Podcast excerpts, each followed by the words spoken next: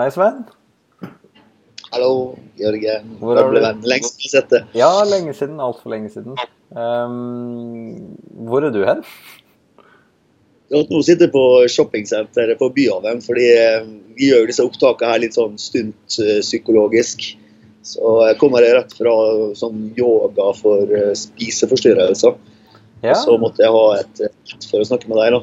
Ja. Da havna jeg her. Yoga for spiseforstyrrelser, ja.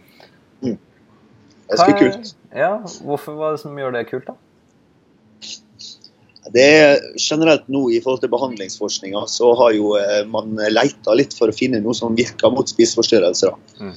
Uh, og en av de tingene som uansett uh, terapiretning som kommer ut både fra pasientene og faktisk etter hvert litt på forskning, er at eh, yoga faktisk uh, eh, hjelper og oppleves som nyttig for pasienter med spiseforstyrrelse.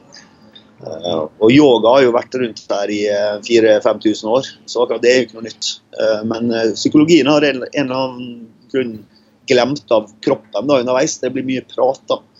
Mens eh, å bevege seg er jo en, er liksom til kjernen av det å være menneske. Ja, for um, det syns jeg er litt kult, nemlig. Når man kan gjøre noe mer i terapi, noe annet i terapi enn å bare prate. Det er ikke alle, alt som kan løses ved samtale. Det er jo eh, det er rart det der at eh, psykologer er så glad i stolene sine. Mhm.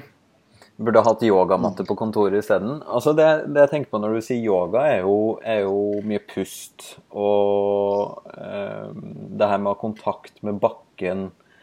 Eh, og virkelig fokusere på kropp, da. Og ikke så mye på tanker og, og det der. Vi har en sånn tendens til å forsvinne veldig opp i hodene våre og tenke og analysere og fram og tilbake og i hele tatt. Det er, merker jeg Unnskyld. Jeg har jo en del pasienter Eller det som er likheten mellom de unge jentene jeg har i behandling som driver på med selvskading, og mennene på min egen alder som er utbrent og deprimert, er at når jeg skal spørre dem, eh, eller få dem til å beskrive hvordan de har det, så vil jeg ofte begynne med å spørre hvordan kroppen deres er. Mm. Fordi at begge de to gruppene har ikke så lett for å finne ord for følelser. Mens der er faktisk det å snakke om kroppen lettere for dem. Ja. Man kan snakke om smerte, man kan snakke om vondt i magen, man kan snakke om å være kvalm, man kan snakke om den type ting. Ja, for det er interessant. altså Barn eksempel, har jo en, eh, har jo en sånn tendens til å ha mye vondt i magen og sånn når de, når de kanskje egentlig er engstelige og har altså Vi kaller det kanskje angst, da, men små barn har vondt i magen. Ja.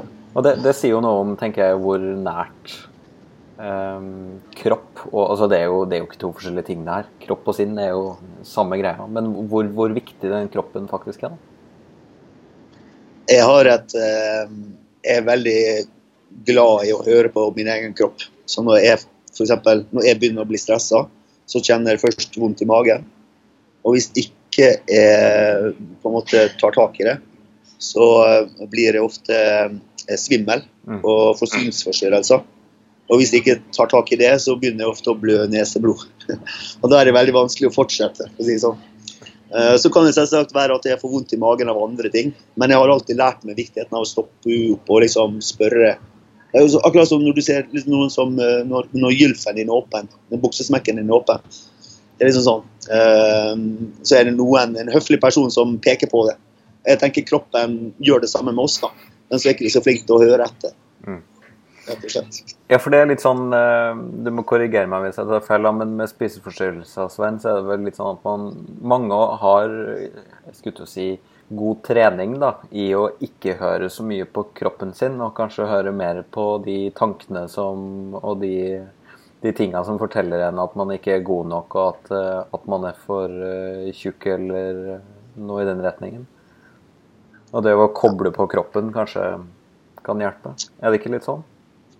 Jo, altså, kan si Folk med spiseforstyrrelser har, kan ofte koble av kroppen, eller bruke, koble på kroppen istedenfor følelser. Mm. Eller tenke veldig mye, men ikke ha kontakt med følelsene sine. Mm. Så det å bruke kroppen, da kan du både komme i kontakt med følelsene, Eh, men så kan du også på en måte legge merke til mer hvordan man, man, man har det. Og veldig mange med spiseforstyrrelser er jo glad i å trene, for da forbrenner jo de kalorier. selvsagt. Så yoga er på en måte en slags eh, Møter dem litt på midtveien. Mm. Så, men jeg tror at, eh, at, det viktigste her er at vi må være mer fokus på kroppen, f.eks. I, i timer. Det vet jo du også. Noen ganger når det blir f.eks. taust i timen, så kan man behøve seg ikke å si noen ting. Men hvis du vil si noe, så kan du bare si 'hvordan kjenner du det i kroppen nå?' Og så stoppe og så gå den veien. Eller eh, når folk sier at de er kvalm, så si ja, legg hånda di på magen og beskriv hvordan kvalm er det. Eller når folk sier jeg har vondt i hodet, ja, hvor på kroppen. Og det du gjør i yoga, du puster jo inn på det som er vanskelig. Fokuserer på det istedenfor å dytte det bort. Men generelt bare det å reise seg fra stolen og gå litt. Eh, jeg har jo det vandreterapiprosjektet mitt. Senest i går så var jeg ute og gikk i to timer. Mm. Da bruker du kroppen når du kommer inn i en annen eh, setting, når du bruker kroppen. på en måte. Jeg, jeg, tror litt, du, du, bruker noe, et språk der, og Sven, du sier det der med å legge merke til. Og jeg synes, eh, og det kan man sikkert bli lei av at psykologer sier, men jeg tror det ligger noe viktig i det også i yoga. At det ikke er noe det er ikke noe prestasjon. Det er ikke sånn det skal eller ikke skal være. da. At, uh, altså no, man kan jo helt sikkert bli opptatt i yoga òg av at man, ikke, at man er for stiv eller man får ikke til det ene eller det andre. Men, men over tid så tror jeg man blir, blir vant til at det er, en, det er, en, praksis. Altså det er noe mer enn en prestasjon. da. Mm.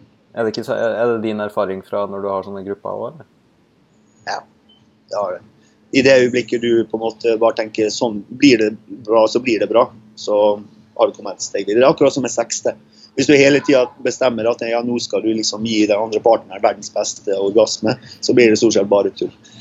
Da, da begynner du å tenke på det isteden?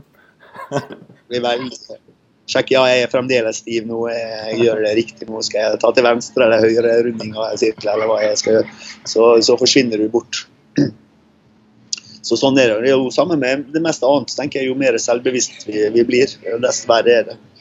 Så noen ganger, og det, det, det, har med kontroll å gjøre. ikke sant? Og Kroppen er jo en måte vi prøver å kontrollere verden på, men det er også en måte der vi kan lære oss å ikke kontrollere. Eh. Jeg kom til å tenke på en ting som på tampen eh, har, Det er veldig mange ting med yoga som jeg, som jeg har sansen for. Um, men for å skru på Jeg har jo sånn kritisk gen. For å skru på det eh, i, i, noen sekunder.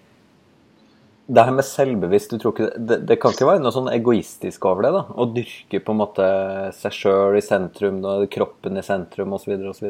Tenker du, har du noe all terapi er jo narsissistisk i utgangspunktet.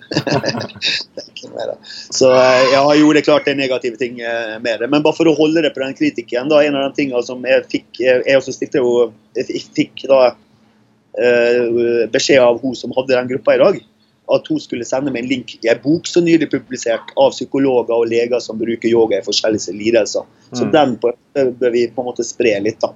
Eh, for det kan jo hende at det bare virker bra og det føles godt, men at det ikke har noe effekt. Så det er lov å være kritisk, altså. Men jeg tenker at vi må ha flest mulig verktøy i verktøyskassa vårt. Og yoga, da når vi kanskje noen som vi ellers ikke vil nå. Absolutt. Og jeg tenker også yoga kan være for mange som prøver seg på forskjellig meditasjon og mindfulness og sitter rolig og sånn, så kan yoga være et godt alternativ, eller kanskje til og med eh, Jeg har opplevd noen ganger at det kan være en god start. da. Sånn at du kan starte litt med, med yoga noen minutter. Jeg, jeg, jeg, klarer aldri å holde på i sånn time og halvannen time, sånn som så, sånne klasser. Men uh, at det kan være en god start, da, og så gjør man kanskje noe meditasjon etterpå. Vi får sette oss en time sammen, du og meg, da skal vi se om jeg klarer å dra deg ja.